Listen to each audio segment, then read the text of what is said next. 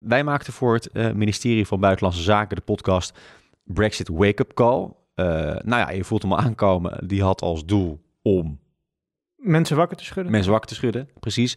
Uh, specifiek ondernemers in dit geval. En in de podcast praatte ik met experts en ondernemers over hoe zij zich voorbereiden op de Brexit. Uh, de ene keer was het met iemand van de NVWA, de Nederlandse Voedsel- en Warenautoriteit. En de andere keer was het met een ondernemer, bijvoorbeeld iemand van een verhuisbedrijf of iemand die handelde in uh, granulaatstenen.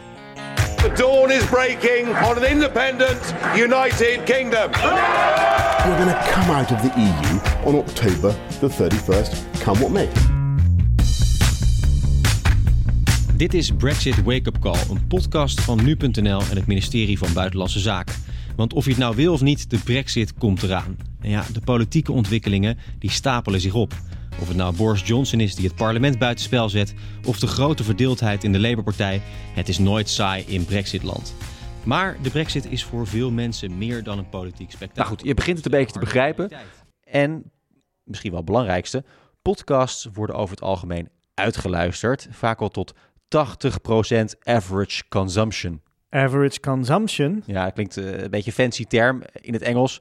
Uh, zoals ik al zei, het gaat over het uitluisterpercentage. Dus dat 80% van de luisteraar de podcast daadwerkelijk uitluistert. Ja, vergelijk het met een filmpje op YouTube of uh, Facebook. Daar ligt dat percentage, als je een beetje mazzel hebt, rond de 40%. Maar met de podcast zitten we eigenlijk altijd boven de 60%. En dan duren ze ook nog eens langer. Je kunt dus echt met een podcast een heel verhaal vertellen. Uh, en de luisteraar die luistert het dus helemaal.